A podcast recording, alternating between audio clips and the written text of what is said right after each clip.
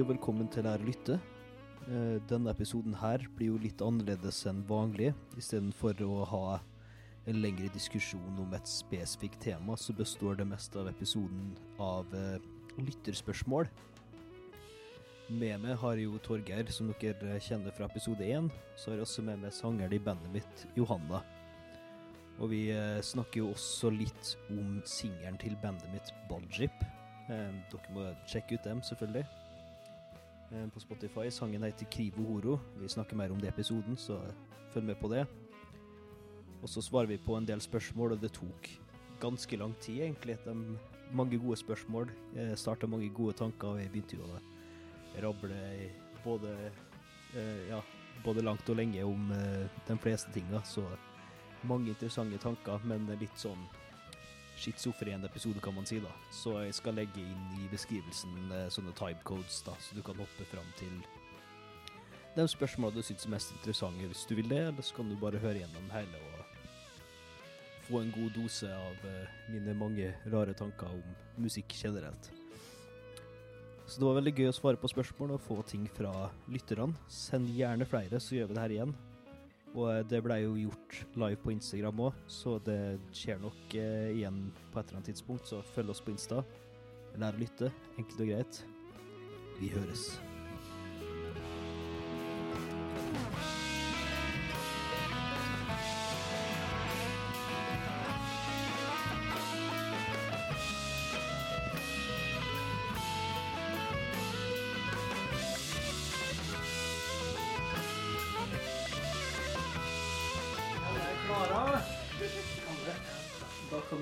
Erklære showet for åpent og si hei og velkommen til Lær å lytte. Vi satser på at kanskje noen ser på på Instagram liven her. Hvis ikke, så går det helt fint. Det er ikke annonsert. Det skal være litt lav terskel, så det går bra. Eh, Dagens show er jo et variety show. Vi skal ha litt lytterspørsmål. Eh, Jeg har lyst til å si seerspørsmål, men det er jo mest lyttere og ikke seere, selvfølgelig. Eh, Og så skal vi bryte ned Lær å lyttes introlåt. Så må jeg også eh, drive litt skamløs selvpromotering, selvfølgelig. Jeg spiller nemlig et band som kommer ut med singel i morgen. Altså fredag. Eh, Dere som hører på det her i podkast-feeden, hører det her på mandag, så da har den allerede kommet ut. Så husk å sjekke ut singelen, da. Så med meg i dag eh, har jeg da min trofaste manager, partner, produsent eh, type dude Torgeir, som dere kjenner igjen fra episode én. Hei, hei. Og Torgeir blir litt sånn moderator i starten og eh, ja, stiller litt spørsmål og sånne ting. Så har jeg også med meg Johanna, som er sanger i bandet mitt Balljip. Hei, hei. Hyggelig å være her. Har du lyst til å si noe mer om deg det sjøl og hvordan vi kjenner hverandre? Altså, eh, vi, eh, jeg og Adrian eh, spiller jo i band sammen og har gjort det i noen år. Og det er veldig, veldig gøy.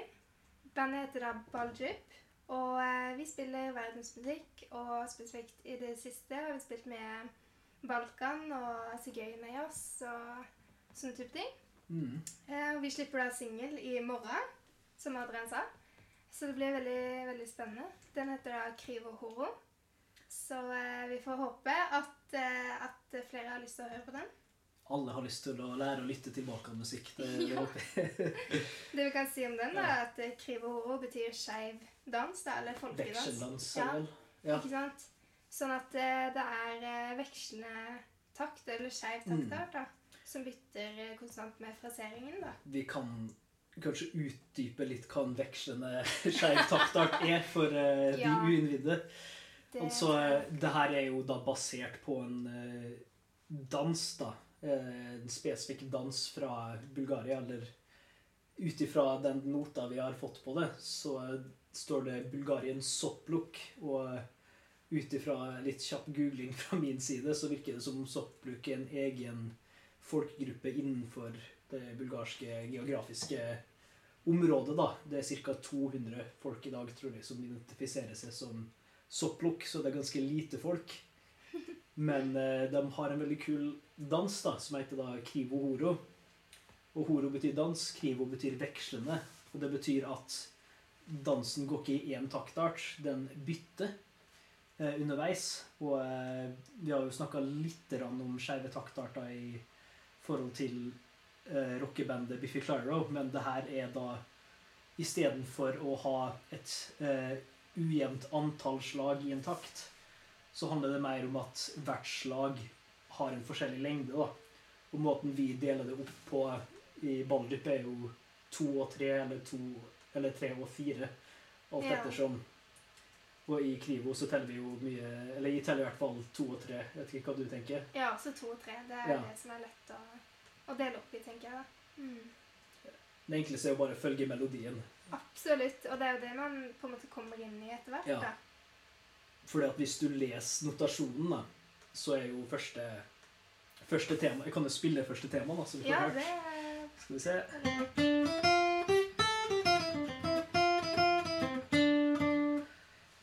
Og der har vi da Det er vel 8-9-8, er det ikke det? Ja. Ja, så du har 8 16-deler, 9 16-deler og 8 16-deler som i tillegg blir delt inn i da grupper på 2 og 3, som er da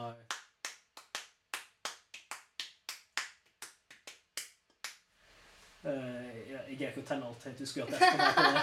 jeg spiller ja, men jeg tror man får ganske godt inntrykk Ja. med, med klappingen, egentlig. Ja, poenget er jo man må bare høre på den og gruve litt og eh, ha det Mm. Og poenget er jo at det skal låte eh, musikalsk, da. At man Mm. kan danse til det. Det er jo dansemusikk. Mm. Så det skal ikke, man skal jo ikke ha behov, eller kjenne noe behov for å telle det i det hele tatt. Nei, nei, man skal føle, føle musikken der. Og for oss som er født i Norge, så er det jo litt vanskelig, men vi, vi gjør vårt beste. I hvert fall nå i denne tiden her, Ja. at vi er gjerne vant til at ting skal gå opp hele tiden og være symmetrisk på et vis. Men det kan være deilig da, å få litt sånn Mm. frihet rundt det. Så det som er gøy med Krivo Horo, da. Eh, og det her er jo en del av en EP som eh, kommer ut eh, på høsten, så folk må jo følge med på det også. Og da har vi jo et par andre også bulgarske låter, da. Men eh, første singelen er da 'Krig og oro'.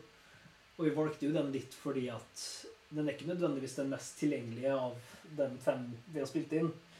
Mm. Men den representerer mye av det vi gjør på et godt vis, da. Sånn, hvis du skulle oppsummert hva det er vi gjør i bandet vårt. Ja, jeg tenker at den, den får fram liksom soundet vårt, vårt da, sånn først Mhm. og fremst. At det er liksom en, et varmt lydbilde hvor det er eh, altså rytmisk fokus, da, først og fremst. At det er folkelig og akustisk lydbilde. Eh, Og at det er lekent og litt sånn eksperimentelt og improvisasjon og sånne type ting da, som på en måte ja, eh, vektlegges, da. Ja, det må jo eh, All applaus til Deflin, tissen vår, eh, som improviserer på en måte her. Det er jo helt fantastisk. Og han er det, fra fra Balkanområdet også. Ja. Fra Albania. Så det nok. han har jo sagt at det renner i blodet hans, da, kan man si. Ja. Så, men det er jo et eksempel på en måte som vi pleier å jobbe på, at vi tar en, eh, en gammel folkelåt, og så lager vi et eget arrangement da, på den. Mm. Um, så det er jo på de andre låtene og da på EP-en. Mm. De andre er jo en del mer gjennomarrangert, kanskje, En, Eller ikke gjennomarrangert, men eh, det skjer litt mer eh, arrangementsmessig, da. Enn i. Krigo Horo. Eh, Krigo Horo er såpass vanskelig å spille. Ja, og det er liksom interessant nok Mm. i seg selv at det, at det bytter mye, og det er tekst og alt mulig sånn. Mm. Mens på noen av låtene er det jo bare uten tekst. Eh, og kanskje ikke like mye Mm. eh, sånn variasjon i det rytmiske, da. Mm. Så da har vi liksom tatt oss litt mer friheter til å arrangere det litt mer ut og gjøre Mm. liksom mye mer Altså fjerne oss mer fra eh, notasjonen, da, som de har funnet. Jeg syns jo f.eks. på Katarina Katarina Måme, da, som dere ikke får høre i dag men, eh, Eller hvis dere kjøper EP-en på CD, eh, som er mulig snart Vi kommer faktisk rett fra de å prøve å lage litt kult cover og sånn. Men eh, i hvert fall Katarina Måme er jo den eneste sangen som går i en, for oss, da, vanlig taktart. Ja, det er sant. Eh, Så der, eh, når du synger melodien der, da, så syns jeg det er skikkelig kult hvor fritt du gjør det. Mm. At du har eh, Altså det er ikke bare det at du tar deg frien, men at man kan, da. Ja, ja, at man prøver å binde Mm. hele alt sammen, da. ja. Så, og så har vi jo tatt med en del elementer i den sangen òg fra ulike steder i verden, sånn at Mm. det blir liksom ikke Den høres veldig arabisk ut, selv om den er bulgarsk. Ja, ikke sant? Selv om den har en ganske Mm. streit sånn taktart, så tror jeg ikke folk vil tenke at det er den som er mest ligner på vestlig musikk. Nei, på en måte. Det er jo på grunn av skalaen, da. Så vi kan jo ha litt eh, skalateori her òg. Ja, det passer det. Det er en sånn lyttepodkast. Den går i det Altså, når det gjelder musikkteori, så eh, er jo det bare beskrivende for noe som skjer. Så når jeg sier at skalaen er frygisk dominant, så er det jo ikke det. Den har mange navn. Ja, ja, ja. Det kommer jo bare an på funksjonen, da, som du setter Ja. i. Så navnet i haritten er frygisk dominant. Eh, vi trenger ikke gå så dypt i akkurat hvorfor det heter det, men eh, det som er med skalaen, da, at den har jo et dur-grunnlag. Sant? Det er jo På låven sitter nissen, holdt på å si. Glad akkord. Men den har en del mørkt i seg også, at du har et lavt andretrinn. Et lavt sjettetrinn. 1, 2, 3, 4, 5, 6. Og syvende trinn.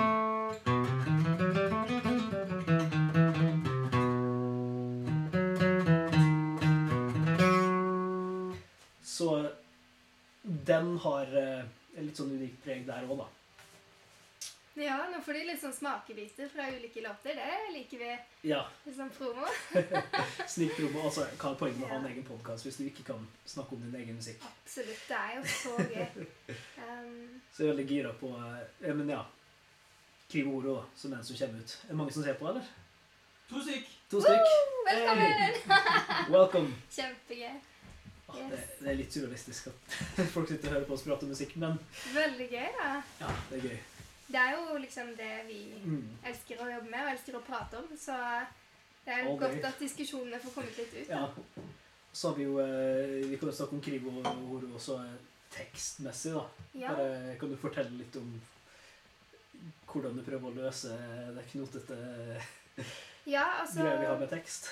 Det er jo litt av en utfordring, eller en sånn rar utfordring. Jeg tror de fleste ville kanskje tatt litt avstand til det og tenke at hvis man ikke kan det godt nok, så burde man ikke prøve å nærme seg. Eh, Men jeg tenker litt sånn motsatt, da. At, eh, at det er en viss sjarm i det. At man eh, viser respekt da, ved å tørre å utforske og tørre å gjøre feil. Um, og vise sin interesse da, i Mm. ulike typer både musikk og tekst og sånne type ting. Um, og hvis vi da skal ha en konsert hvor det er f.eks. syv ulike språk, fordi musikken kommer fra ulike steder, Mm. så kan jeg jo jeg kan jo umulig liksom kunne syv språk flytende. No, eller sånn, Noen kan jo det, men, men jeg kan ikke det.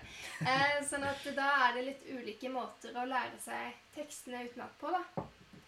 Eh, og jobbe med uttalelse. Så i noen sammenhenger så har jeg da prøvd å, å ta kontakt med folk som er derfra. Og så eh, snakke om hva, hva låtene handler om. Eh, hvordan det skal uttales, hva som skiller det språket fra andre. Hvordan man skal uttrykke det, hva det vil si eh, når, eh, når de skaper musikken og teksten på den måten. Og hvordan man da skal formidle det på en spesifikk måte. Og andre språk så har man jo gjerne ikke kanskje noen tilgjengelig som kan det som sitt morsmål. da. Og da må man kanskje ja, finne et lydspor et eller annet sted på nettet av de er gamle som skriker i et Det er ikke enkelt med alt vi har. Ikke sant? Og selv, selv nå til dags, liksom, Ja. når det finnes så mye der ute, da, så har vi hatt noen um, eksempler av musikk som det ikke finnes noe innspilling av. Det Ja. finnes liksom null altså, ting å ta, ta tak i, da. Så da må man liksom prøve å ringe en venn. Eh, lytte til språket. Hvordan snakker de det? Hva, hva står her? Og så er det gjerne andre typer alfabeter. Sånn eksempel bulgarsk har et, et alfabet, og arabisk har sitt ja, liksom Ja. et helt annet alfabet, og sånne type ting. da. Så man må prøve å liksom tenke at hvordan kan man formidle musikken gjennom det, da? Og uttrykket. Mm. Og ikke henge seg opp i at, at jeg hadde aldri klart å få til Mm. 100% en sånn type ekte uttalelse. Ja. Eh, men vi har jo også opplevd på f.eks. den internasjonale kulturfestivalen at eh, noen kommer bort og sier at 'takk for at du synger på mitt morsmål'. Mm. Han nevnte ikke noen ting Ja. om, om at det ikke var perfekt, eller sånn, men Jeg folk tror folk blir skjønner rørt, at vi liksom. prøver, da. Eh, og det er jo ikke en unik utfordring til vokal nødvendigvis. Det er bare mye mer tydelig. Ja, Ikke sant at Folk hører jo på en måte hvis man er usikker på å uttale og sånn. Mm. Men eh, jeg tror hvis du eh, f.eks. er sånn som Defrim, da, som har mye av balkanmusikken mitt i blodet Du hører at når jeg sitter og spiller melodiene, da, at jeg spiller det ikke helt riktig. Det er ikke helt min Ja, ja, ja. eh, true north, på en måte. da. Spesielt i ornamentikken rundt hovedmelodien. da. Ja, Der er det jo fantastisk å høre Defrim spille, fordi han, han kan det. Og Jeg, det jeg gjør min egen ting, men Ja. jeg prøver jo så godt jeg kan å eh, formidle i hvert fall følelsen. da. Absolutt. Og da, når du hører på Balljip, så hører du på en måte det vi hører når vi hører på balkanmusikk. Mm. Ikke nødvendigvis det folk fra Balkan hører, da. Og det er jo interessant at man Mm. kan liksom se hvordan bandet utvikler seg etter hvert. da. Med tanke på f.eks. ornamentikkspråket, da. Eh, og se liksom fra, fra vi starta, og fra kanskje hvor vi er om fem år, da. Mm. Hvordan uttrykker vi oss da, liksom, i form av improvisasjon og sånn. Em, men som du sier, så, som sanger, spesielt hvis man jobber med klassisk, så er det veldig vanlig å synge på liksom italiensk og fransk og alt mulig. Alle slags type, sånne type klassiske språk. Mm. Og i pop så er det jo vanlig å synge mest på engelsk. Så Mm. det er på en måte ikke en ukjent problemstilling, men jeg vil tørre å påstå at det er litt sånn annerledes måte å jobbe på nå, da. Mm. Hvor man gjerne skal eh, ta tak i veldig mye på Mm. en og samme konsert, f.eks., eller sånn type ting. Ja. Og det er jo tilfellet i den klassiske verden også i pop og sånn at eh, ofte så er jo måten man egentlig snakker på, ikke det mest kunstneriske riktige valget, da. Sånn hvis du hører eh, forskjellen da på Adele som snakker. Ja, ja, ja. Det Og er den som stor synger. forskjell. Ja, absolutt. Og det er jo for Ja. I klassisk sang så er det jo noen som velger å rulle på fransk, f.eks. Ja. Eh, mens det er veldig sjelden noen no, no. prater sånn. sant? Mm. Så det er jo noen kunstneriske valg der som man velger å ta. absolutt. Sacre bleu. Ja. Det, det blir ikke helt riktig. Det hadde tatt seg ut. Ja, det hadde tatt seg ut. Nei da, men det er veldig, det er veldig givende da å kunne liksom utforske alle Mm. aspektene ved det å være sanger, da, Mm. for eksempel. Har jo mye å komme med eh, i, ja, som en pedagog eller eh, som en kunstner. Kunnskap belyser kunnskap, da, ikke sant? Så Absolutt. Og vekker nye spørsmål, da. Og Mm. tenke at OK, hvorfor, hvorfor var det vanskelig nå? Eh, hvordan kan man overføre det til andre språk? Eller sånn rent tekniske ting som Ja, for eksempel sånn Mye av det vi gjør, er instrumental musikk som går kjempefort. mm. Eh, hvordan påvirker det pust og liksom Ja. Ikke bare det, men liksom alle mekanismene i halsen og, og lytting og alt Ja. mulig sånn derre eh, Konkrete problemstillinger da, som, som man kanskje ikke møter på like ofte, da. Eller på samme måte i f.eks. popmusikk eller Mm. klassisk eh, sang, da. Ikke at det er bedre eller verre, men Nei, nei. det er gøy. nei selvfølgelig ikke. Ja, ja. Så, eh, og jeg er jo en av de som syns alt det er gøy. Jeg har jo drevet med alle de sjangrene, egentlig. Um, Litt av poenget eh, med podkasten òg, ikke sant, at eh, ofte det som er grensa til at noen hører på en sjanger eller en annen, er mer eller mindre kunnskapen rundt det, opplevelsen og mm, mye nostalgi, da. Så eh, det skal Ja. vi prøve å trekke litt fra hverandre når vi går eh, i fremtidige episoder, når vi skal lytte til sjangere vi ikke kjenner sjæl, f.eks. absolutt. Eh, Så det, ja, vi må jo også ha et segment på lære å lytte til lære å lytte i løpet av episoden her. True. Men vi, vi har jo gått dypt innom og horo, så vi kan jo hoppe til Dagens akkord. Har du tenkt på noe? Det er jo veldig gøy. Nå ble det litt sånn på sparket, men jeg, jeg tenkte på det når du snakka om at jeg kunne få lov til å si en følelse eller en Mhm. stemning. eller noe sånt.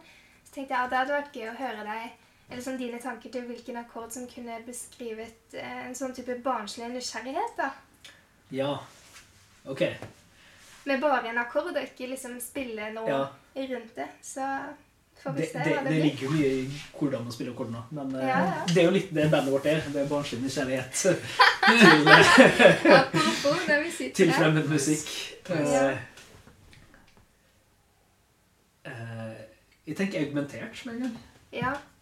Det vil jeg nok tro vil passe godt. Men kanskje med en uh, nyere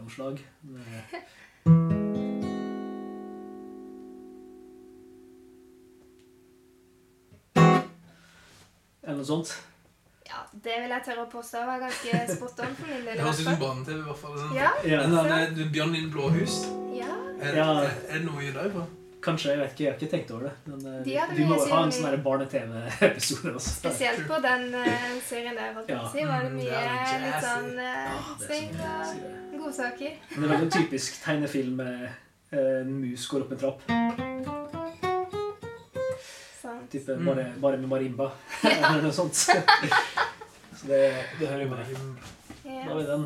Da kan vi gå til litt spørsmål, og så eh, må jo du dra etter hvert. Men Ja. eh, Ja. Men har- et spørsmål eller to. Vi har eh, et hot take fra Knut Arne. Are. Knut Are, ja. Ja, som eh, sier at uh, musikk faktisk ikke Musikk var faktisk ikke bedre før. Mm. Noen umiddelbare tanker? Er det meg som skal svare på det? det Jeg, jeg skal jo, svare på det etterpå, Ja. men jeg, jeg har jo tenkt litt. skal vi se, det er jo en evig eh, debatt da, som eh, man kanskje gjerne har med Mm. sine foreldre eller besteforeldre. Og der er vi jo igjen tilbake Ja. til det du sa i stad, med nostalgi og Mm. hvor man kanskje har vokst opp, og hva man forbinder med, eller hva man Mm. trenger i øyeblikket. da, Musikk til å regulere følelser eller føle tilhørighet eller noe sånt. Mm. Eh, men det er jo på ingen måte noe svar på spørsmålet. Nei. Det er jo mer en filosofisk problemstilling. Ja, og det er akkurat det som eh, Du har eh, Jeg har på en måte to svar til det. da. Det, det kjedelige svaret er jo at musikk er jo totalt subjektivt, og det er ingen måte å måle på om musikk nå til dags er bedre eller dårligere. I tillegg til at det meste av musikkhistorien er jo ikke innspilt. Så vi veit Det eneste av musikk vi vet om liksom fra før innspilling, var notert, og det jo stort sett klassisk musikk. Det fantes jo mye annet. Men vi har ikke bevart det i like stor grad. Så det kjedelige svaret er jo det går ikke an å svare på det spørsmålet her. det, altså, det mer interessante svaret er jo Jeg tror det er veldig viktig å skille mellom hva som er populært, og hva som faktisk blir lagd og eh, blir brukt også. Mm. Ikke sant? At uh, veldig mange sier jo at musikken på 60-tallet var mye bedre og sånne ting. Sannheten er jo at alle de dårlige sangene fra 60-tallet har vi glemt. Godt poeng. Eh, ikke sant? jeg Vi vil tippe eh, at hvis du går til en hvilke, hvilke som helst år og liksom tar topp 10-lista eller topp 50-lista eller noe sånt, så er 50% i hvert fall sikkert mye mer Mm. av det sanger som ingen i dag husker som en sånn kulturell eh, kollektiv eh, hukommelse, da. Mm. Og det var en morsom ting vi gjorde på musikklinja i Molde, faktisk. At det første samspillsprosjekt vi hadde hvert år, het Opp av hatten. Ja. Og da delte de, de delte inn band bare ved å trekke ut av en hatt. Og så delte de også ut sanger på det viset. Så da hadde de de topp tre mest populære sangene. Det er sånn spin the wheel-greier. Ja, det var tre-fire forskjellige sanger, men det var fra mest populære i år. Den tida her i fjor. Den tida er for ti år siden. Og den er for ja, 20 år siden, liksom. Så det var, ja, så det var, mye, ja, det var mye interessant. da. Jeg husker jeg endte opp med en gruppe som skulle spille Kung Fu Fighting. da. Nice. Så det var gøy, den var der, da. Ja, det Men det, det har jo litt med å si hva, hvilke parametere du stiller for å, hvilke, Ja. hva som er bra. da. Ja, hva er bra? Så Og, det er jo kanskje mulig å diskutere det. da. Mm. Det noe, noe Ja. som jeg tror eh, det er jo alltid utvikling, og Mm. spesielt siden altså informasjonsalderen og alt det der, så eh, musikere i dag har jo mye større tilgang til bredden av musikk. da. Sånn hadde vi levd i Norge for 70 år siden, hadde ikke vært sjans om at vi hadde funnet balkanmusikk like lett som vi har gjort det nå. da, ikke sant? Du har jo f.eks. Stian Karstensen og eh, Gabriel Fliflet og sånn som reiste til Balkanområdet og lærte musikken fra spelmenn der. Absolutt. Eh, det, men det er jo ikke så lenge siden det heller, da. Mm. Og eh, i tillegg så er det jo såpass internasjonalisert på det tidspunktet at de snakker engelsk og litt sånn, da. Mm.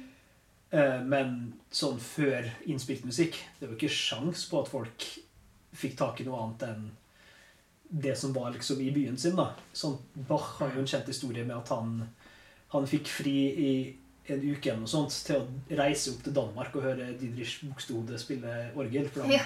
Han hadde lyst til å høre han, da, for han hadde Mm. hørt så mye om han. Men han hadde jo aldri hørt den. Ja. Ikke sant? Mm. Endte opp med at han tok sånn tre måneder fri fra Ja, jobben og Men det jo fikk sparken og jo- alt det der, da. Men fordi at han, han ville jo reise dit og lære. Eneste måten var jo bare å gå. til Ja. Danmark fra eh, der han var fra i Tyskland, liksom. Så, Men sånn sett da, så er vel, så er vel svaret at musikk ikke var bedre før, da. Ut ifra de Vi parametrene der. eh, vi har mulighetene da, til å lage mer i dag, men Verktøyene er der. Verktøyene er der. Eh, men så er det jo det med option paralysis, da, ikke sant, Mm. at eh, jeg tror Jeg kjenner i hvert fall sjæl, sånn som du sikkert også gjør, vi som liker såpass mange sjangere. Det er veldig vanskelig å bli dritflink på én ting Mm. når du har lyst til å gjøre så mye annet. Mm. Eh, og hvis du ikke veit at det er noe annet, så blir du jo flink på den ene tingen. da. Ja. Så eh, det er mange flere generalister i dag. Og det Til mine ører så er det ganske interessant, ikke sant? Du får, du får ikke musikere sånn som Jacob Collier eller Chris Steely eller eh, sånne folk som Mm. totalt sjangerløse. De har sin base, men de er sjangerløse i sin lytting og på mange måter sitt uttrykk. da. Så sjæl eh, syns jeg er mer interessant å leve i musikkalderen her. da. Mm. Det er gøy å se Henriks live. Det hadde det. Men vi skal jo se Collier live eh, i februar. oh, så eh, det, det tror jeg også blir en opplevelse. da, Som om 50 år vil folk si 'Å, vi fikk sett han live'. ikke sant? Mm. Så eh, ja, nei, jeg I min tid! jeg, jeg vet ikke svaret. Svaret er jo 'jeg veit ikke', men uh, uansett så er det jo alltid gøy at tida går framover, for det betyr at det er mer ny musikk for oss å høre på. da. Mm. En annen ting at det, enn at det går fremover, er at det går i bølger også. Ja. Så det er jo noe man gjerne hører foreldregenerasjonen snakke om. sånn at På min tid så var det mye mer sånn politisk budskap i musikken, og energien i rocken og sånne type Ja. andre kriterier da, til Mm. at hvorfor musikk skal være bra. Mm. Så det er det jeg ofte hører Ja. går igjen. At ah, men hva betyr musikken nå? Ja. liksom? Er det bare en kjærlighetssang igjen? Eller liksom Men vi har, vi har jo masse politisk musikk i dag òg. Absolutt. Men sånn, det handler jo bare om hva Kendrick Lamar, man og du har, eh, Montero sånn sett eh, er jo også veldig kontroversiell. ikke sant? Og folk, jeg tror folk glemmer hvor kontroversiell noe av musikken som vi bare ser på som oldies, good oldies nå. ja. Men sånn som eh, Bob Dylan sine anti-Vietnam-greier og sånne ting, det var ikke allment godkjent da, ikke sant? Hadde de hatt YouTube-kommentarfelt på Mm. Ja, den tida, hadde sikkert ikke sett så annerledes ut enn. Fuck the Police-type Så det er veldig interessant bare å se ja. liksom, hvordan det samme utvikler seg. da. Ja. For jeg tror det er veldig lett eh, Det er jo det jeg snakka om først. da, Når vi ser tilbake på ting, så har vi veldig selektiv hukommelse. Og eh, hvordan ting egentlig var før i tida. Vanskelig å vite, ikke sant? Husker vi liksom alle de søppelhitsa, holder på å si. Ikke at det fins dårlig musikk, jeg syns ikke det gjør det. Men eh, altså, hitsa som er mindre Mindre kjent, da. eh, Som vi ikke husker like godt fra da vi gikk på barneskolen, liksom. Mm. Det er plenty musikk derfra som sikkert er glemt, men det er jo mye vi også husker. Og, Ja. Som alltid kjenner på når vi har fest og sånn, ikke sant? Mm. Og så er det jo noe med hvordan man lagrer musikken nå, enten Mm. i hylla eller på disken digitalt. Så er det jo Man sletter jo det man ikke liker å høre på lenger. Ja.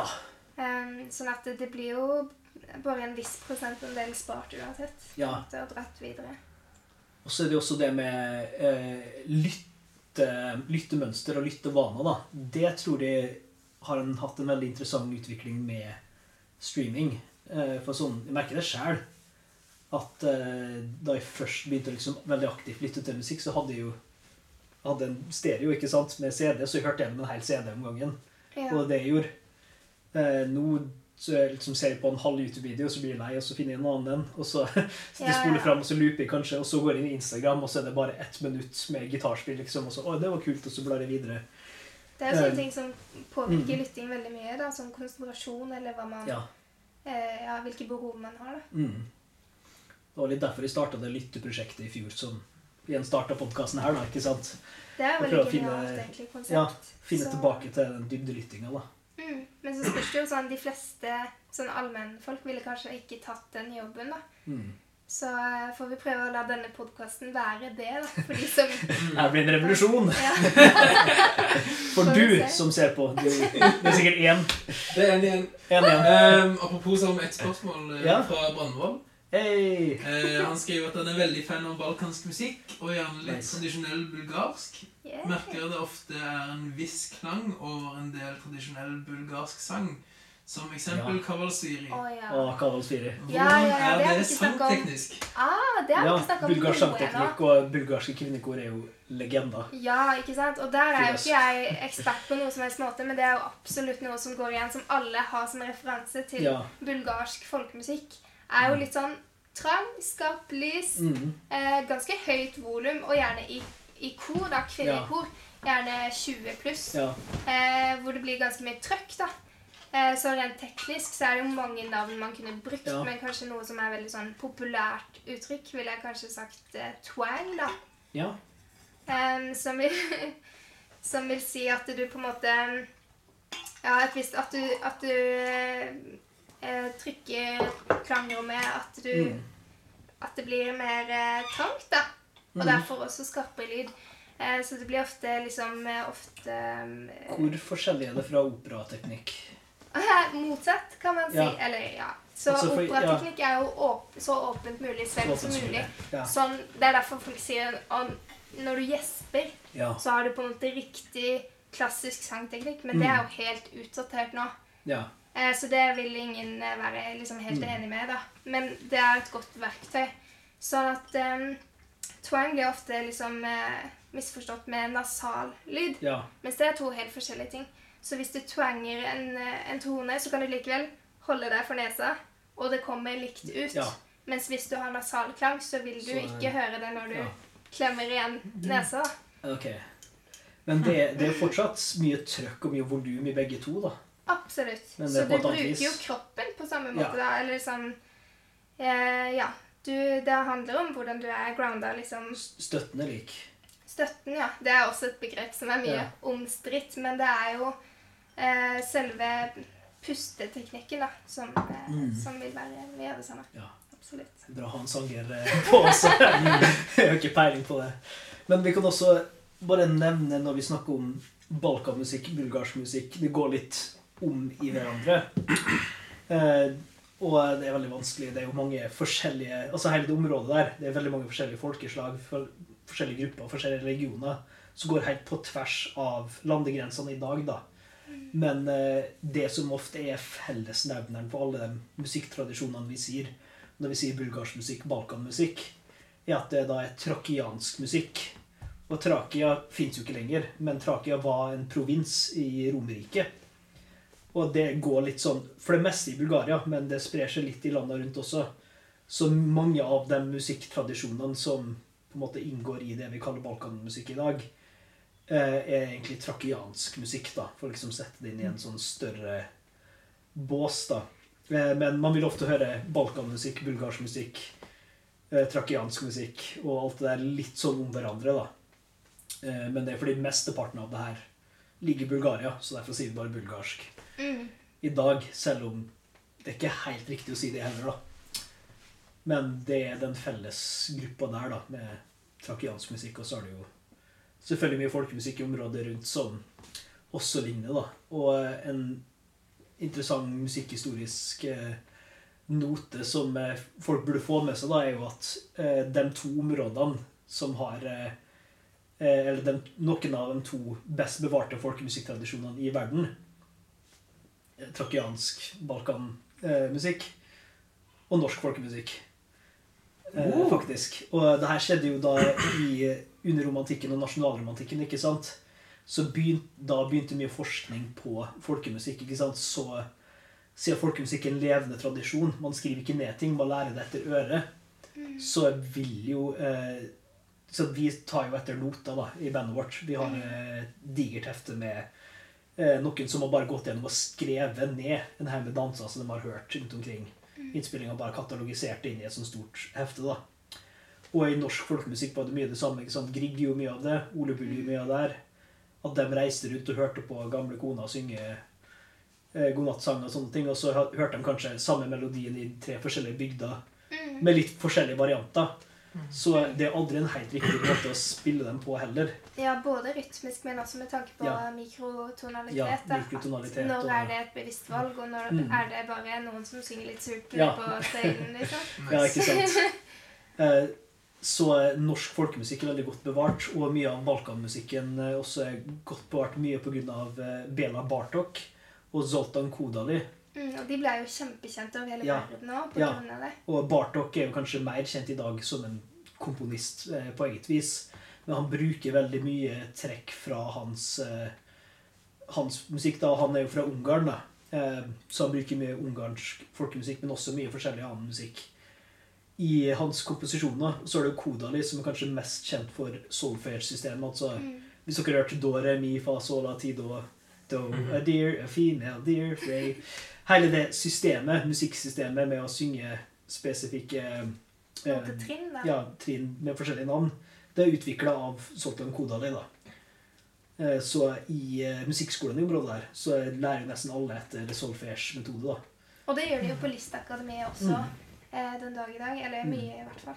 Ja, det er veldig vanlig. Det er utrolig effektiv eh, til å formidle til barn spesielt. da. Mm. Så Men det- også med ja. tegnespråk og Mm. ulike Ja, de har tegn Fakt På musikkundervisninga på barneskolen i Canada, så hadde vi det. Oi, kult. Jeg Eh, vet at de gjorde det på Mm. high school i USA òg. ja, jeg tror det er litt vanlig der. Mm. Ja.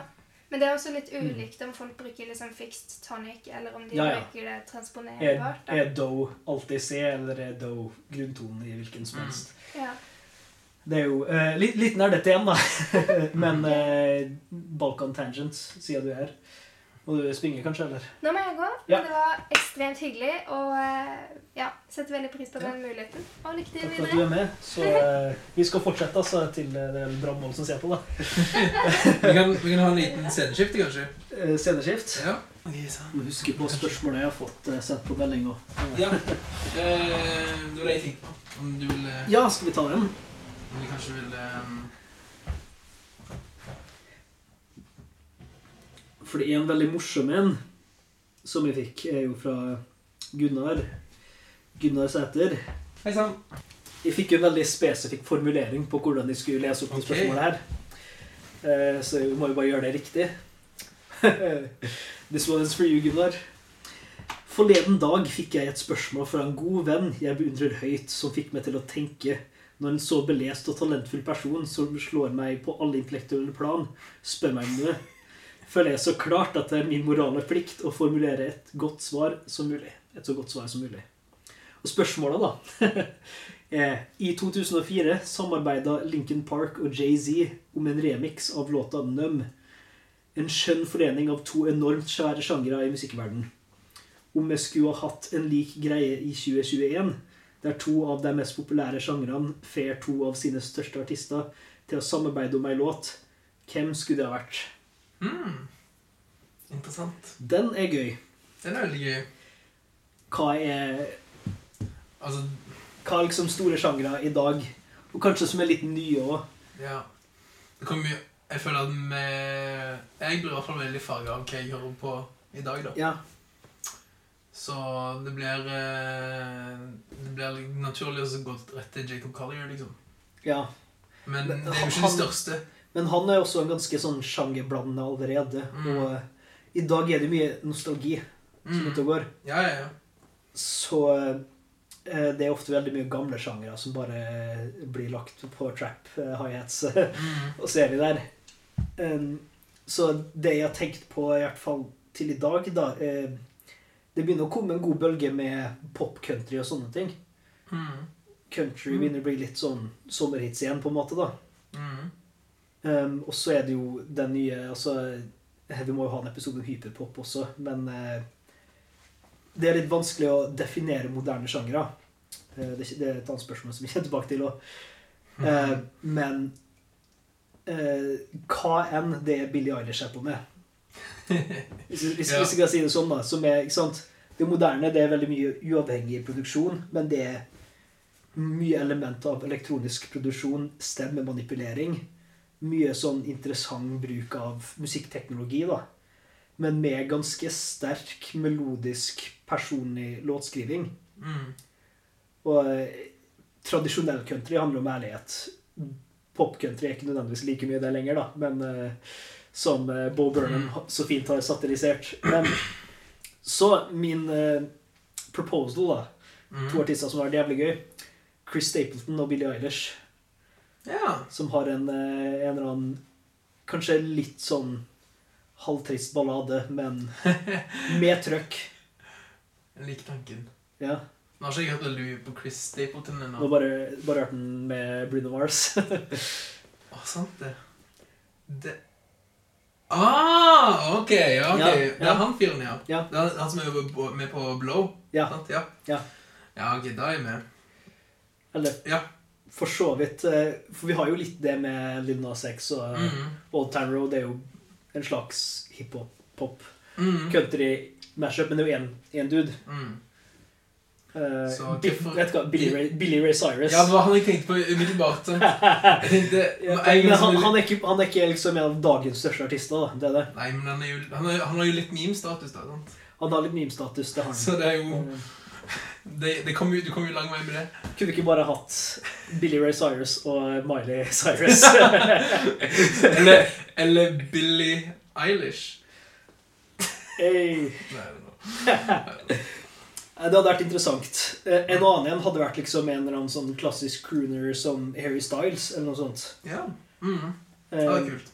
Pluss um, en hyperpop-produsent, da, som hvis 1000 Gex hadde produsert en eh, Harry Styles-låt. Mm. Det hadde vært mind-blowing. Eh, For dere som ikke har hørt på 1000 Gex ennå Get ready. Så, ja, det er helt insane, faktisk. Så det er et veldig eh, Ja, det er bra spørsmål, der. I'm scared. Det, Eh, men jeg tenker også ja. på BTS. da. B Ja. BTS burde jo få en honorable mention, i hvert fall, om ikke annet. Om ikke en egen plass, liksom. ja, men altså, BTS er liksom sin egen gruppe òg, da. Det er, det. Ja. Det, det er allerede såpass mange unike personligheter i gruppa. Og så er er det mange samme- stiler. De har, de har ganske stor variasjon allerede. Men blir ikke det litt som å putte Ja. Lincoln Park, da? Ja, kanskje. Lincoln Park er jo det, har jo egen personlighet. Ja. men ikke det på samme måte. selvfølgelig. Men jeg tenker jo Ja, men du, du sånn hvis det skal realistisk fungere, så trenger du jo en artist som er villig til å eksperimentere litt. mm, Og eh, der syns jeg eh, Mange vil jo hate på Billy, men eh, jeg syns hun er ganske nyansert og variert i sitt uttrykk, da. mm, Ikke sant? Du har Bond-låta. Du Mm. har eh, eh, Altså, vokalstilen er jo ofte ganske lik, men når én person gjør flere ting, så høres det jo fortsatt ut som personen. Det er tegnet på en god artist, vil jeg si. Eh, det er jo Ja, det er en ganske stor grad av nyanse i uttrykket, egentlig. Ja. Etter min mening, da, så eh, har jeg jo eksperimentert med litt forskjellige collaborators, som det er jo nesten alltid Finjes broren hennes da, som hjelper til med produksjonen. Men uh, dem to som et team, da, pluss um, en, en av dagens countrystjerner, mm. Colter Wall. Åh, det hadde vært fantastisk, faktisk. Han, eh, han er mye mer i tradisjonell outlaw country. Da. Jeg vet ikke om han hadde vært gira på å jobbe med Billie Eilish nødvendigvis. Nei. Men om han hadde vært det, i hvert fall. Det hadde vært så kult. Åh. Jeg er hyped allerede, og det, det er ikke en ting som heter seg engang. Det er bra. Er det flere spørsmål? Yes, eh, litt inn på samme Nei, det er ikke litt i samme gata. Eh, Anders Magnus Berg spør om TikTok ødelegger musikkbransjen. Ja. Musikkbransjen har jo alltid vært syk, korrupt og bare forferdelig. Så vi skal ikke gjøre episoden til en lang rant om hvor dårlig musikkbusinessen er. Folk veit det, liksom. Mm. Det er fucked up. Eh, det jeg vil si som Altså, jeg har ikke sett så veldig mye på TikTok generelt sjøl, da. Eh, men mitt inntrykk av det er litt det samme som en del musikk som blir populær på YouTube. Altså ikke tradisjonelle musikkvideoer, for musikkvideoer er jo også YouTube er den nye MTV på mange måter også. Mm. Men sånn, sånn type YouTube-musikere som er kjent for å lage sanger og ikke content om musikk, da. Ofte er det en del humor, eh, noe visuelt. Eh, Det er alltid noe ekstra som er involvert ved siden av musikken. Det er ofte god musikk, det er jo ikke det. Mm. Men ofte må det spille på et plan som gjør det altså memebart, delbart og eh, eh, interessant på det planet heller enn bare musikalsk interessant. Det er veldig sjeldent at noe går liksom viralt på YouTube kun fordi at det er en god låt. Ja, men det er, jeg tror han retter spørsmålet kanskje litt i Mm. retning av at eh, du bruker din massive allerede audience eh, Mm. til å så accelerate din egen artistkarriere inn til å bli invitert på de største arrangementene, til å bli en av verdens største artister. da. Ja, ja. Eh, og eh, det er også en ting, da, at eh, hvor populært noe er, Mm. er Det er ikke den beste indikatoren av eh, hvor godt utvikla en person her er som en artist. da, ikke sant? Fordi at altså, Nummer én, som er et viktig poeng jeg vil få fram, at det er veldig sjeldent at noe er dritpopulært og elska av veldig mange, og det er totalt dritt. Ikke Mm. sant? Hvis kjempemange liker det, så gjør det jo et eller annet riktig. Ja. Men forskjellen liksom på om noe har 1000 lyttere, og om noe har 10 millioner, 100 millioner lyttere, er mer markedsføring enn Ja, fordi det, i, det er jo i, i det. Og når det gjelder TikTok, da det er, så, det er en såpass godt trent algoritme.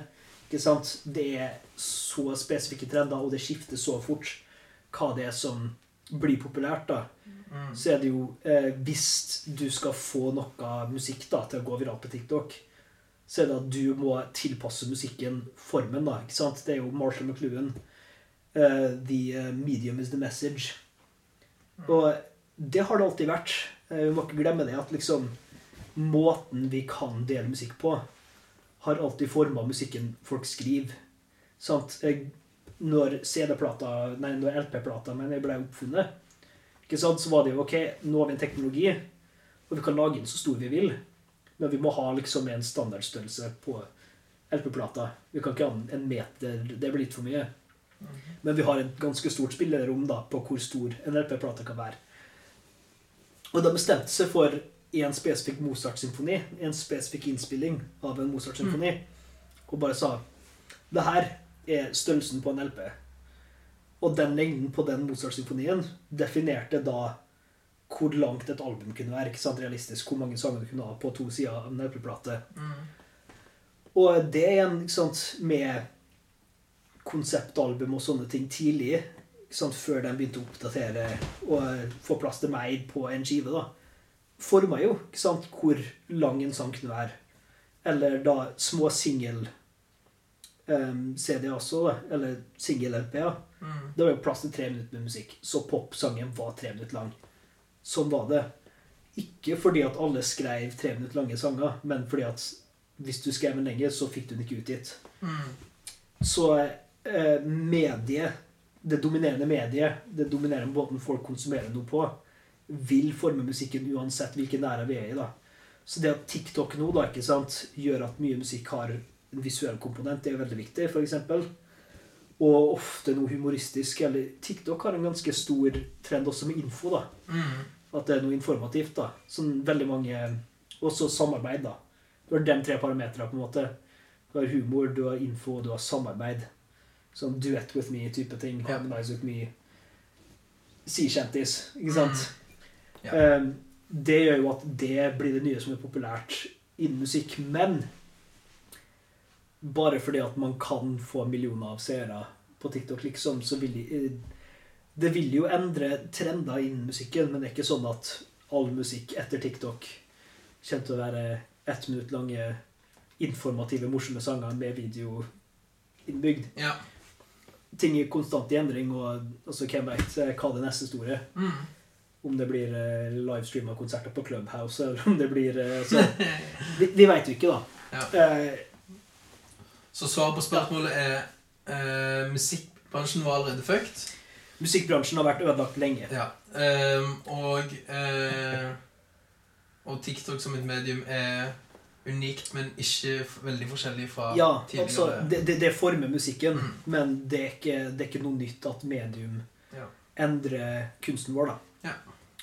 Jeg tror ikke vi trenger å gå mer inn på TikTok nå. Ja, jeg kan ikke nok om TikTok til å gå Vi kan ta en egen TikTok-episode senere når du har blitt litt eh, oppdatert på zoomer-kultur. eh, Ja, ja, når eh, søsteren min kommer på besøk og har frelst meg med TikTok og sånn. Alright, Vi går litt tilbake i tid. Ja. Martin Ellingsen sier at Pearl Jam og Ja. Nirvana er knutepunktet som brakte rock og gitardreven populærmusikk inn i 2000-tallet og dets nåværende form. Mm. Så det er jo en hot take, da. Eh, har du noen kommentar til det? Ja, altså Det var jo det at gitar eh, Selv om Eddie Halen og eh, en del av metallmusikken og eh, den gitardrevne power rock, eller hva man skal kalle det, da, stadium rock-sjangeren begynte å Eller hadde fortsatt stor suksess på 80-tallet, så var jo ikke det den dominerende tingen lenger. ikke sant? Det var, det var en del andre sjangere som begynte å overta, egentlig. Og så kom Nirvana. Ja. Og eh, Nirvana solgte jo så mye. Det er jo helt insane å tenke på liksom, hvor mye eh, Første albumet var ikke det største, men Nevermind det, det solgte jo utrolig mye, og det ble godt tatt imot, godt anmeldt. Var superpopulært, da. Det endra veldig mye. Og eh, Nirvana hadde ikke så veldig mange gitarsoloer og sånne ting, da.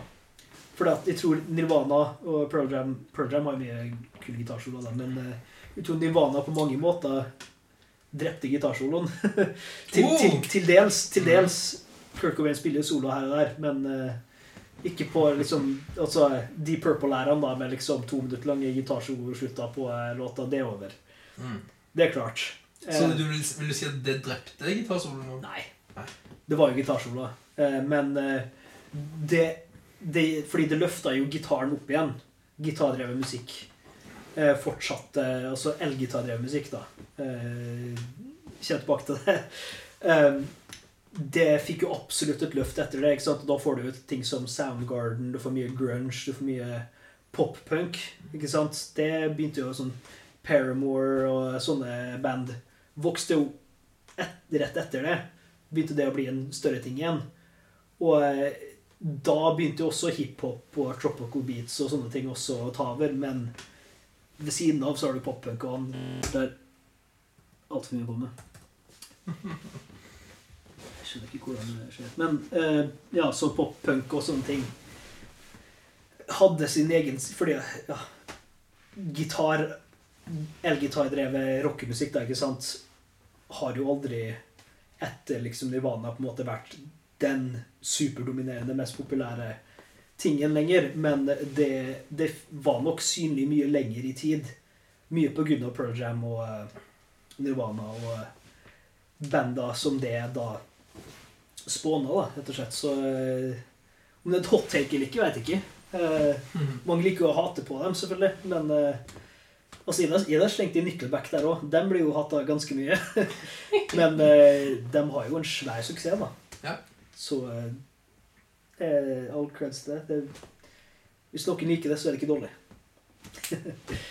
You heard it here, folks. Men, eh, men det er jo da gitardrevet musikk.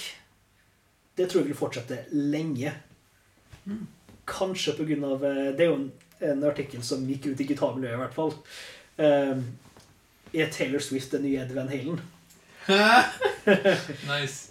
Og Kult. grunnen er jo ikke at hun har insane chops og eh, har utrolig kreativt gitarspill, men det at en dame som har en såpass stor popprofil over såpass stor lang tid, nesten alltid turnerer eh, der hun spiller gitar en stor del av sceneshowet. Og sant, hun kan spille og kompe seg sjøl bra og skrive veldig mye gitardrevet musikk. Eh, det har gjort at eh, salget av akustiske gitarer spesielt har gått opp enormt siste tida. Og etter pandemien så har jo gitarindustrien eksplodert, faktisk. Mm. Det er helt insane. Men eh, veldig mange unge jenter nå begynner å spille gitar. Det har begynt å bli mye mer populært. Eh, og det vil jo spåne en del låtskrivere da, som primært bruker gitar i stedet for piano. Men jeg tror også at gitar er veldig unikt eh, passende instrument da, for eh, låtskrivere som et kompinstrument, fordi at det er bærbart. Du kan ta med en gitar overalt. Du kan ikke ta med et flygel overalt. Mm. Og eh, hvis du ikke spiller akustisk piano, men du spiller et elpiano, så trenger du høyttalersystem. Sånne ting. En akustisk gitar er et av de mest praktiske instrumentene for en sanger å spille til å kompe seg sjøl. Ja. Så jeg tror eh, gitardreven pop vil nok være en stor eh, del av lydbildet vårt i lang tid framover. Fordi at eh, det er bare så praktisk, rett og slett. ja, jeg tror det er sekundet en songwriter slutter å liksom Mm. skrive ting som går an å spille på gitaren, Mm. så kommer vi til å gå glipp av noe av det som gjør det til Ja, pop, da, kanskje. Ja, jeg vet ikke, fordi at Man ser jo også det på Taylor Swift, for eksempel, Mm. at på et tidspunkt så begynte hun å lage musikk. Eh, hun produserer og jobber med mange flere folk, da. Hun, eh, mye av det skriver hun også helt alene, men mye så jobber hun ofte sammen med flere produsenter og sånne ting. Men eh, det har jo vært en debatt i klassisk musikk òg lenge. Sånn, I hvor stor grad skal instrumentet du spiller, forme musikken du komponerer? Mange komponister, eksempel, eh, prøver jo så godt de kan å ikke skrive musikk foran et instrument i det hele tatt. Og kun konseptualisere det i huet, og så skrive det ned. Eh, mens andre eh, bruker instrumentet veldig aktivt til å komponere, og i dag så bruker man jo da PC-en og digitale løsninger for å få det til så godt som mulig også. Um, men det er jo selvfølgelig mye lettere å teste ut noe og spille det. Og høre det med en gang. Du får den der umiddelbare feedbacken. Mens du trenger ganske lang tid til å utvikle et indre øre som er sterkt nok til at du kan høre for deg en hel, et helt orkester eller hel, altså et helt nytt musikkonsept. Høre det i huet ditt, og så skrive det ned. Og når det da først blir spilt dagen etterpå, ukevis etterpå, månedsvis etterpå, at det er sånn som du hadde tenkt det, da. Mm.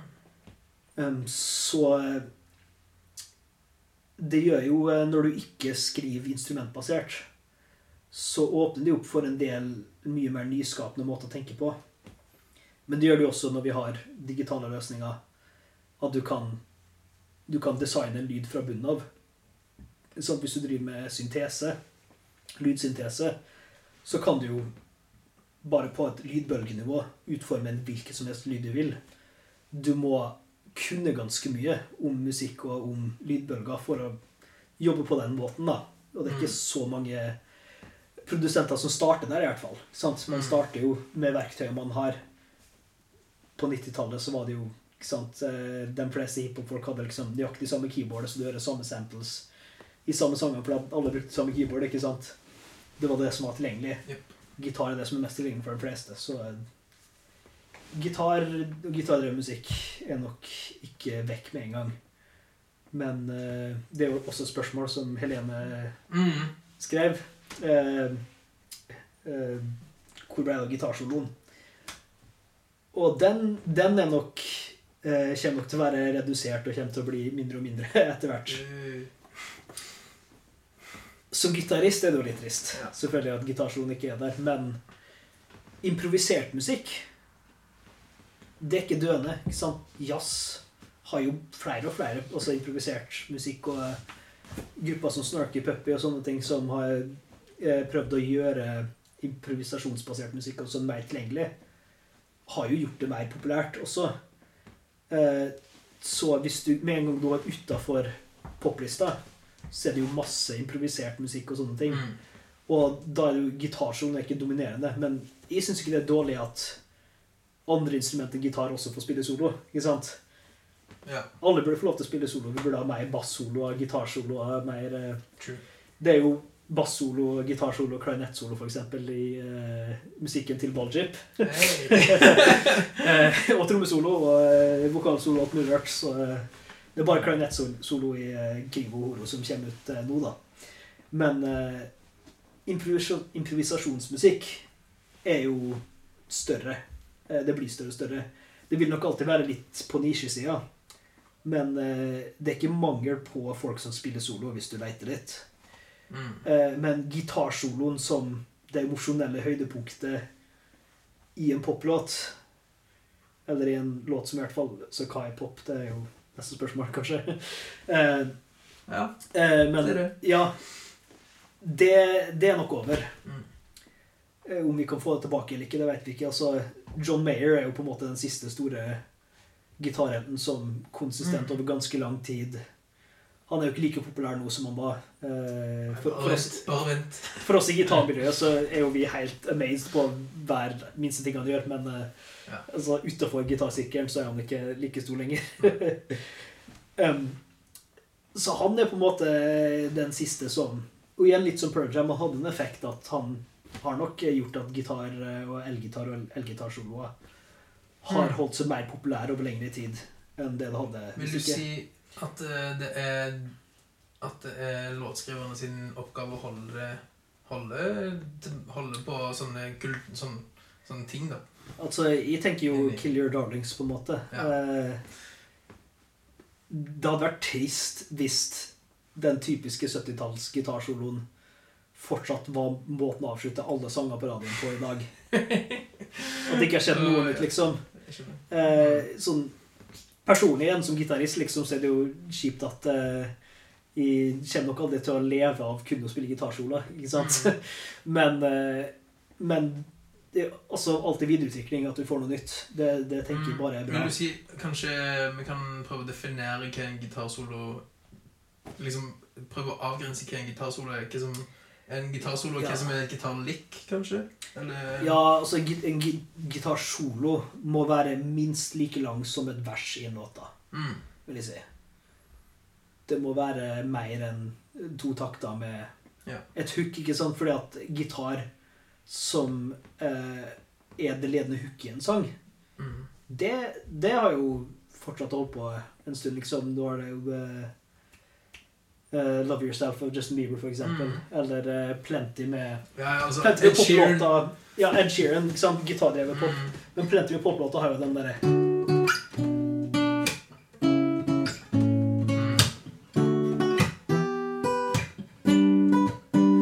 Sånne type ting. Mm. Og det er ikke en gitarsolo, det. Det er et gitarlikk, det- men det er harmonisk informasjon. Det er en rytmisk informasjon. Det er ikke... Og så kommer jo sangen oppå, og Ja. det er ikke sånn at det her overdøver vokalen. Men sånn en gitarsolo Det går ikke an å synge opp på den normalt, som det står.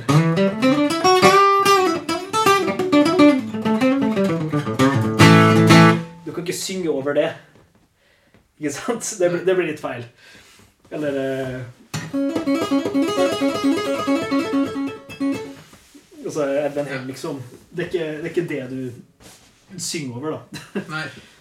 Så Ja. Det, altså, en, en gitarsolo er et punkt i en sang der en elgitar, da, eh, er jo ideen her, da, i hvert fall. Mm. En elgitar er det hovedpunktet i låta, og den har eh, en melodisk rolle, og den har en frontrolle. I slutten av mange sånne sanger så har du ofte sant, kanskje et refreng til med gitarsolo under og sånne ting, da. Men Mm. Det punktet der gitaren tar over vokalen. Ja. Og det ser man jo i band som f.eks. Van Halen, da, der Eddie Van Halen og David LeRoth, som er sangeren, basically like kjente. Ikke sant? Når lead-gitaristen er en like kjent person i bandet som sangeren, da, da har du et band som tar gitarsoloen seriøst, på en måte. da. Det, og det, dekker er ikke vanlig lenger, med mindre sangeren også er lead-gitaristen. da.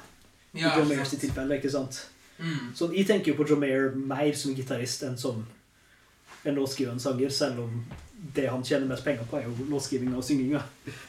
Gitarsoloen er jo en fin bieffekt. Vi må få to kommentarer fra livestreamen. Det er Nice. Gunnar som sier at vi må rydde opp i kablene våre. og så har du Jomar som sier 'lær å lytte', ja. Hvordan slutter jeg å være døv? Hvem var det som sa det? Jomar? Jomar? Vet ikke om du kjenner til han? Nei. Hvordan man lærer å slutte å være døv? Eh, du får gå dra til hørselslegen og se om det er noen løsninger som fungerer for det. Eh, Ja. Teknologien er fantastisk. eh, hvis det er snakk om å være tonedøv, Mm. Så er det jo en annen ting. Da Man kan jo trene opp til å altså, Noen folk er faktisk medisinsk sett tonedøve. Mhm. De greier ikke å registrere forskjellig pitch, på en måte. Det er veldig lit, en veldig liten prosentandel av befolkningen. Det er en promille. Det er under prosent, da. Mm. Eh, som er det. Og så har du også en undergruppe som er amusikalske. Folk som får null eh, nytelse rett og slett av musikk. Mm. Og det er sånn Ja, du får bare ikke lytte til musikk, da. Det, det, det, eh, det, det er kjipt. Eh, Jeg kan ikke leve av dine penger da, men altså, det går bra. Bare satse på at du ikke har så mye av de. Ja. Altså, det hadde vært interessant hvis de hadde mange fans i podden som var musikalske, liksom. Det hadde vært fantastisk. Kanskje det som er et nye mediumet ditt, dette nye målgruppa di? Plutselig. Av musikalske mennesker. Var musikalske. Eh, ok, vi kan gå videre på um, Marie Ja. spør og Kan du prøve å definere pop som vi kjenner det i dag? Ja. Vi har jo snakka mye om eh, pop allerede, så ja. kan prøve å holde det litt kort. Kanskje? Ja, og jeg syns pop ikke burde være navnet på en sjanger, egentlig. Eh, pop blir I hvert fall når jeg sier pop, så tenker jeg bare mer det som er den populære musikken i dag. Sant? Og man har jo noen generelle båser av det som er populært i dag, da, ikke sant? Du har eh, hiphop-basert musikk, ikke sant? Så har du popmusikk, da, ikke sant? Eh, altså Hiphop-basert musikk har jo rapp i seg, da. Rapp er ofte det bærende elementet. Til en viss, altså, til en viss grad. Et sangbart hook er jo ofte en stor del av eh, hiphop-hits også. Så har du liksom den R&B, soul-type tingen. er jo ganske populær også nå. Mm. Um, men så er det også ting som pop-country, og det eneste som gjør at vi kaller pop-country pop-country, er jo at det er populært.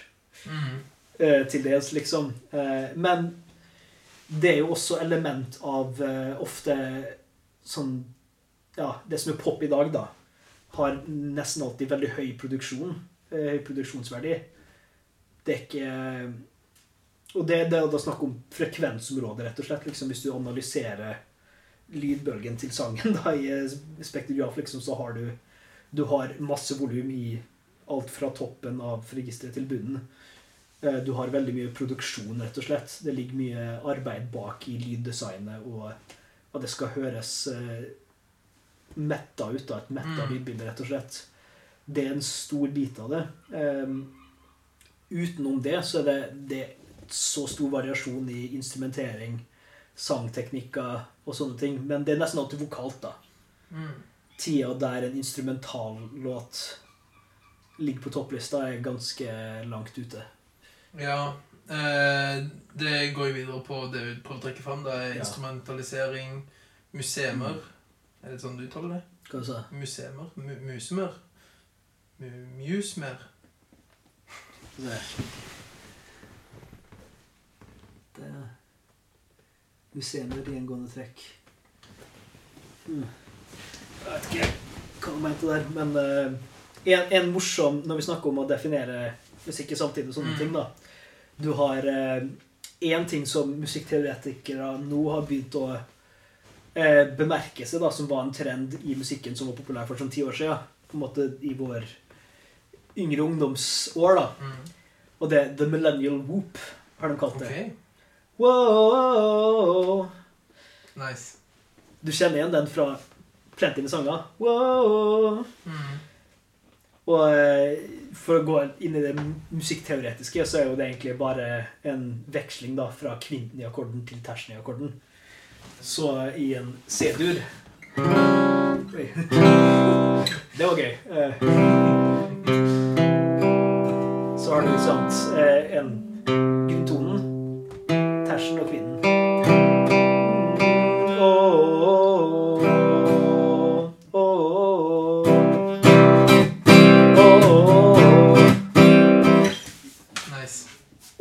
utrolig hvor mange refreng i forskjellige hits fra sånn Si 2008 til 2015 eller noe sånt, kanskje, da, Ja.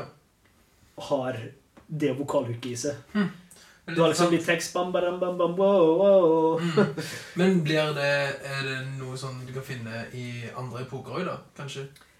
Ja, altså, det, det er jo mange sånne småting, sånn som the duop changes, da. Mm Eh, en akkordrekke, rett og slett, som i duop-sjangeren, da, nesten alle sanger.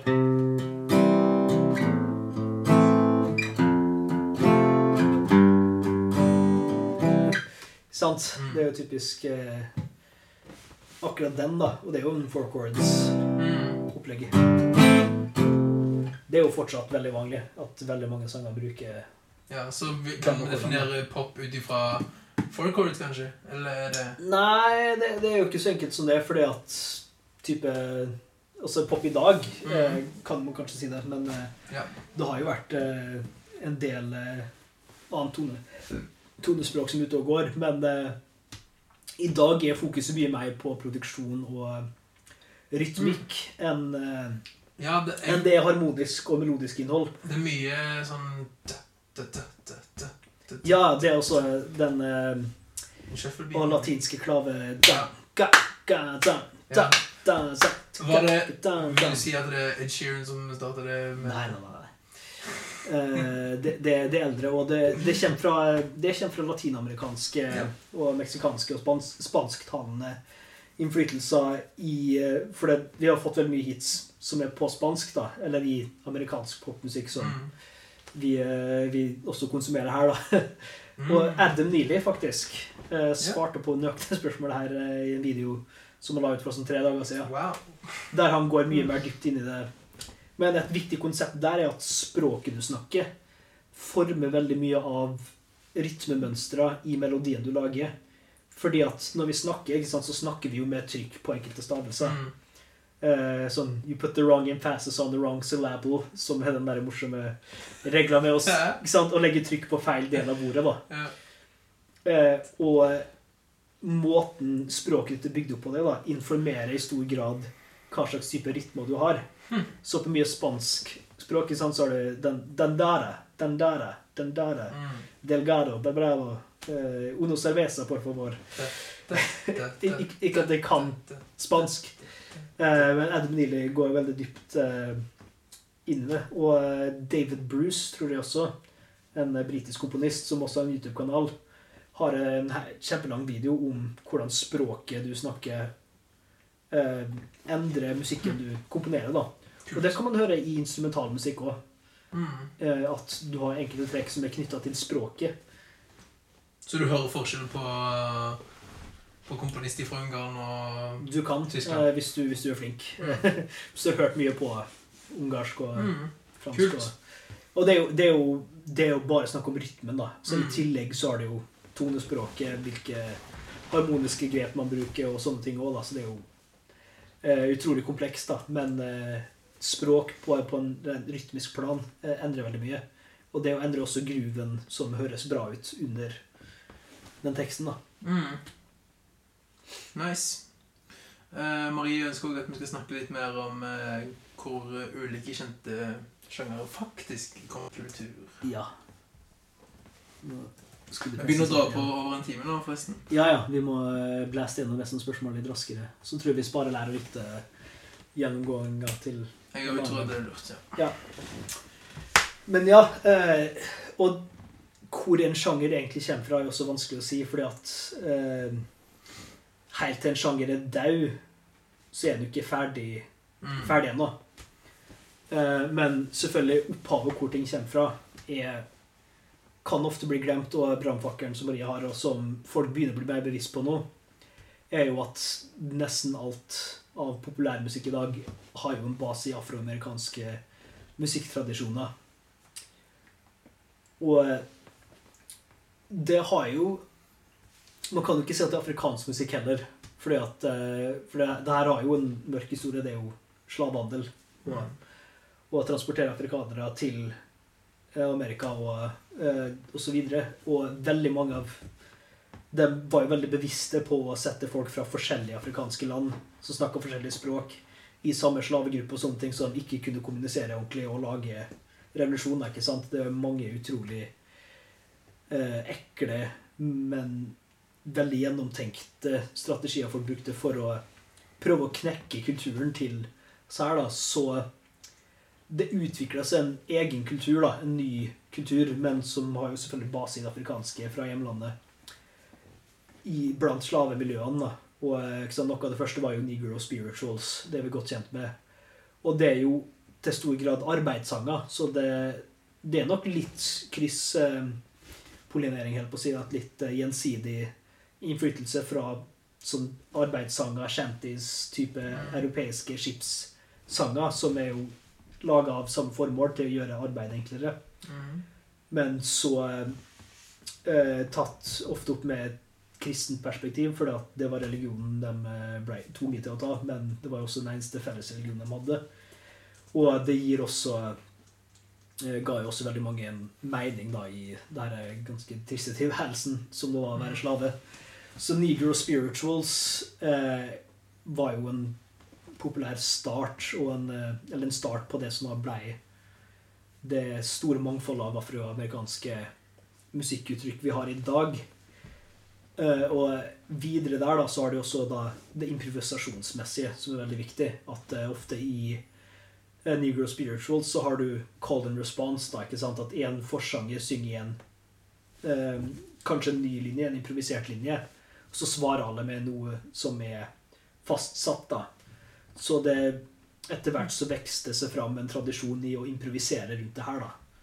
Og så, når slavene ble avskaffa og eh, fortsatt det ligger jo svarte, svarte folk i en eh, prekær situasjon da, med vanskelighet med arbeid og en del fattigdom og sånne ting. da, Men det er også at de er segregert. da. De har sin egen kultur, sin Mm. egen eh, tilværelse. da. De får liksom ikke ta del i det fellesskapet som koloniherrene da, rett og slett har.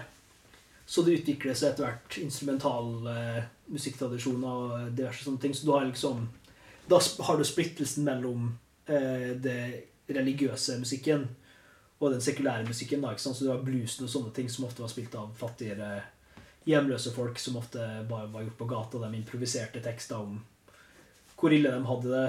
Eh, eller eventuelt eh, en del skrøner og sånne ting om eh, hvordan lydene tordna ned da en ble født, og mora sa at Gud sa til henne at hun skulle føde en stor mann, og så videre og sånne ting. da.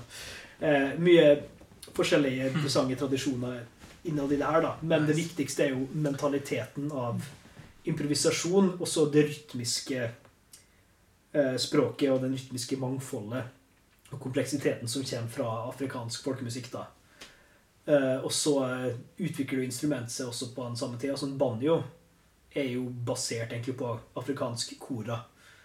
Eh, det ligner ganske mye. Det har utvikla seg til å bli sin egen ting igjen. Men tidlig banjo og eh, kora på den tida ligner veldig mye på hverandre. Eh, og eh, etter hvert så utvikler jo bluesen seg mer og mer, og så får du jo mer sofistikerte harmoniske varianter av blues, ofte med innslag av eh, karibiske og, eh, og også eh, europeiske tonalitetsideer og sånne ting, som gjør at jazzen utvikler seg. Og eh, samtidig blir bluesen elektrisk, og etter hvert så begynner vi å få rock. Ikke sant? Forskjellen mellom tidlig rock og blues er ganske liten. Det er bare elgitaren som Ja. ledet an. Og det er også det som gjorde at vi fikk, gikk fra bluegrass til country, f.eks. Elektrisk instrument, egentlig, til stor grad. Mm. Og eh, country har også en del afrikanske røtter, men country oppsto jo, eller bluegrass, da, oppstår jo i Appalachia-området, som er et av de fattigste områdene i USA for hvite. Det er veldig mange fattige hvite folk her. Og veldig mange av dem er jo av skotsk og irsk opphav, for de ble jo heller ikke sett på som ordentlig hvite da, på den tida. Mm. Eh, Så de igjen fikk jo sine egne segregerte miljø og sånne ting. Så veldig mye skotske folketoner og sånne ting kommer inn i miljøet der. Og så blander det seg med bluesen, og du får bluegrass. Og eh, du elektrifiserer bluegrass, og du har country. Mm. Og så Sjangeren her vokser jo og deler seg, ikke sant? og etter hvert som ting går i flere retninger, så får du jo mer og mer og mer. Så selv om Det meste kan spores tilbake til blues, egentlig Ja. og Negro Spirituals. Men alt det her har jo også Det er jo ikke sånn at det er kun afrikansk musikk, men eh, jeg vil jo si, og det er ganske riktig å si, at afroamerikansk eh, kultur er det som har kanskje i størst grad forma nesten alt av populær musikk i dag, da. Ja. Men eh, det, er ikke, det er ikke sånn å si at hvite ikke har en rolle, på en måte. Nei. Eh, og det er jo også ofte til dessverre da, at du trengte folk som Elvis og Pat Boone og sånne til å gjøre at det var akseptabelt å høre på svart musikk for hvite. Ja. Og det er jo ikke bra, det heller. Men eh, det er viktig å spore hvor inspirasjonene til dem du hører på i dag, er fra. Ofte Mm. så går det jo langt tilbake, og du finner nesten alltid Mm. afroamerikaner. Ja, fin, finnes det noen ressurser folk kan bruke for å finne ut av det, eller er det bare Wikipedia? liksom? eh, musikkhistoriebok.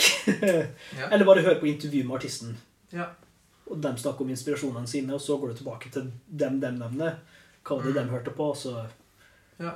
kan du jo gå så langt bak som du kan, liksom. Det, infoen forsvinner jo til slutt, selvfølgelig. Dessverre.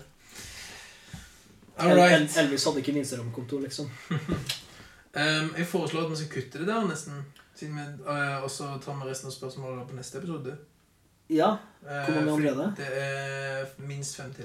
minst fem til. Mm. Kan vi ta dem kjapt? Quick, uh, quick answer round.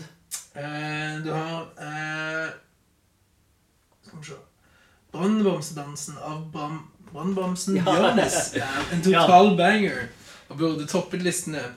Hvorfor holdes tekst og image så høyt at den ikke gis innpass med de mer populære og seriøse låtene? Den er gøy. eh, Det er jo Sindre som har spurt. Mm. Eh, Og det er da Hvorfor er liksom en sang som egentlig bare en public announcement eller en barnesang Hvis den er skikkelig kul, hvorfor blir ikke den tatt like seriøst som eh, noe, et kunstverk da, av en popmusiker? Og det, det syns jeg er rart, men det ligger jo i markedsføring, da.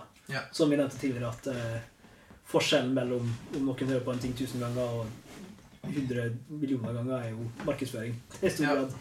Eh, men ikke sant, det at den sangen var så bra, gjør at Sindre er passionate om den, så den, den lever videre. Det er et eksempel på det. Men eh, ja, hva som er seriøs musikk og ikke, det, det syns jeg bare er teit. Det er, seriøs var det. ja, ja, folk hører jo ikke hermetegnene våre. Men eh, seriøs musikk eh, Altså, Om du mente det seriøst eller ikke når du skrev det, så er det litt irrelevant. Det, hvis musikken er bra, så er den bra. Ja. Drit i hvor uh, Hvis noen liker musikken, så wow. Ja, jeg, jeg håper i hvert fall at man liker det sjøl, Mm. Sweet. Um, Siri lurer på Eller sier at pop slash listepop burde bruke mye mer storband Ja, og blåsere i musikken sin. ja det syns jeg. Ja. Det hadde vært gøy å ha litt mer eh, storband og sånn, men eh, det er jo det med produksjonselementet, da, ikke sant? Og detaljene i produksjon er jo den moderne orkestreringen, da. Mm. På et vis. Så virker virkemidlene er jo de samme, men eh, å eh, ha litt mer korps og eh, storband og brass og sånne ting inn i lydbildet igjen, er jo kult å eh, ha. Vi må ikke glemme det, men jeg tror ikke vi kommer til å miste det. Men eh, gjerne mer av det. Ja. Men også hvis du har noe nytt og kult, ikke kaste vekk fordi at eh, noen sa at storband var bra. Eh, yes. Brage Rødmark sier, spør om uh, hvordan The, The Lick ble en greie. Ja, Og hva er The Lick er for, for de uinnvidde så er The Lick egentlig bare en slags joke i jazzmiljøet nå. Det høres sånn ut. Og jeg er litt usikker på akkurat hvordan det oppsto. Uh, myten sier jo at eh, altså, det er bare et lite lik. Og eh, jazz som er improvisasjonsbasert. Mm. Og eh, veldig spesielt tidligere så var jo veldig mange Før det ble akademifisert, da, så var det jo veldig vanlig å sitere andre sine liks. Ikke sant? Fordi at det jazzmusikere at de trenes opp til å ha et vokabular med forskjellige melodiske fraser, ting de kan spille over enkelte akkordrekker og sånne ting. da. Mm. Så forskjellige utøvere har sine liks som de spiller. Og man låner jo og lærer liks fra andre, modifiserer dem og sånne ting, så noen ting bare blir eh, litt sånn felles repertoar, da. Felles språk. Mm. Og eh, The Lick har bare blitt spilt, kanskje tilfeldigvis, kanskje bevisst, av en haug med forskjellige jazzmusikere opp gjennom historien. På et eller annet tidspunkt så fant en eller annen dude på YouTube ut at han ville klippe sammen alle gangene han visste om der noen spilte The Lick, og bare laga det til en uh, liten compilation på YouTube, da. Nice. Og så har det bare gått i sirkler på musikk, eh, eh, skolemiljø og sånne ting. Så nå er det sånn derre uh, Veldig mange musikkstudenter i jazzmiljøet da syns det er veldig gøy å prøve å dytte inn det like i en solo på mest subtilt vis. Ja. Som en liten sånn wink-wink, nudge-nudge til sine felles musikknerdvenner. da. ja. Fordi det er det jeg òg har merket, Ja. det er sånn det er sånn, mm, nice. Ja. Det er liksom som når du ser 69 perfekt, liksom. Men nå er det en ny, nå er det en ny, eh, en ny greie som er Mario Kart-like. Ah, ikke sant? eh, som høres eh, sånn ut.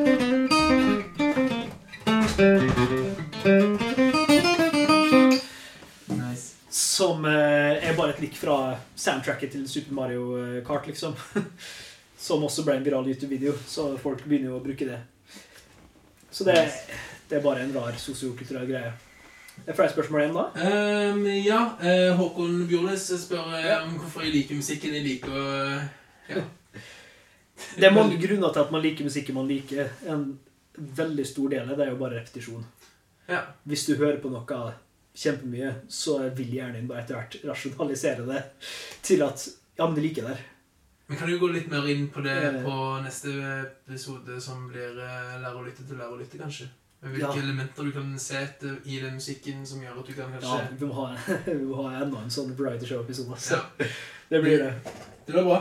Uh, jeg tenkte bare Jeg fikk, jeg fikk ett spørsmål på um, Bare på melding fra Anders Nesdal om eh, lo-fi. Ja. Hva er lo-fi? Mhm. Eh, og hvorfor liker folk det? Og det er jo sånn chill-musikk, da.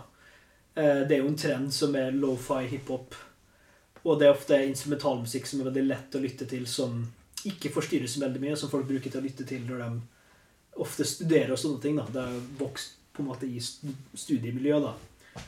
Og eh, det er jo enkle trommebeats, eh, ganske myke keyboard-lyder ofte. Ikke, det er jo basslinjer, men ikke så veldig aktive basslinjer, kan man si. Og eh, det viktigste med lo-fi er bare low fidelity, lav lydkvalitet, egentlig. Så det er bare en måte å få det til å Det er jo med å få det til å låte dritt med vilje, si, men ikke, dritt, men uh, lydkvaliteten i vinyl, eksempel, er jo ikke like stor som digital eh, filformat. Og, sånn eh, folk kaller det jo varme i dag, for at det har blitt en, eh, det har blitt en ønskelig klang, men igjen, det er jo mediumet som har forma at vi liker det. mm. Ikke nødvendigvis at det er bedre eller ikke. Det blir litt sånn som Rane eh, Hva heter det? Eh, Thrift shop-kulturen. Med at Ja. det, er kult å gå med 90-tallsklær, liksom. Ja, det er kult å gå med Filler. Ja, ja med billige filler, Ja. og så blir den billige fillene dyre. For -hmm. Yep. Det er kult å gjøre. Eh, Capitalism. yes.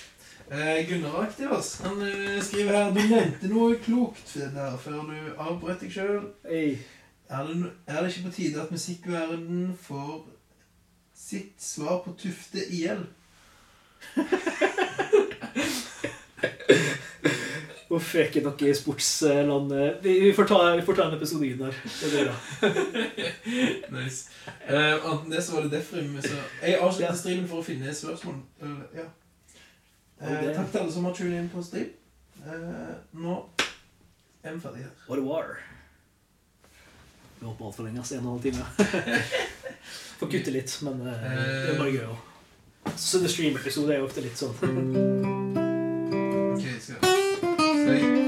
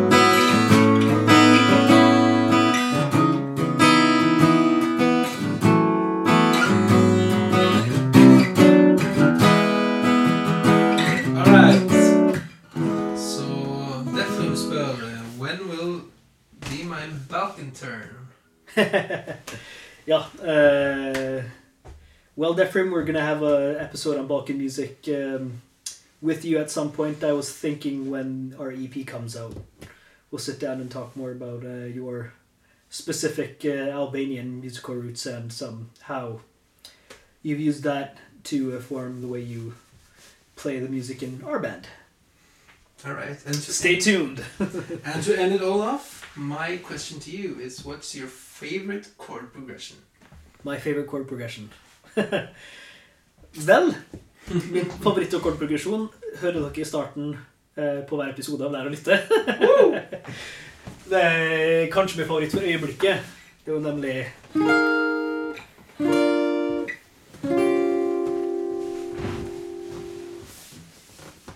Vi trenger ikke gå så veldig dypt inn på den, men eh, det er jo mye stemmeføring, da.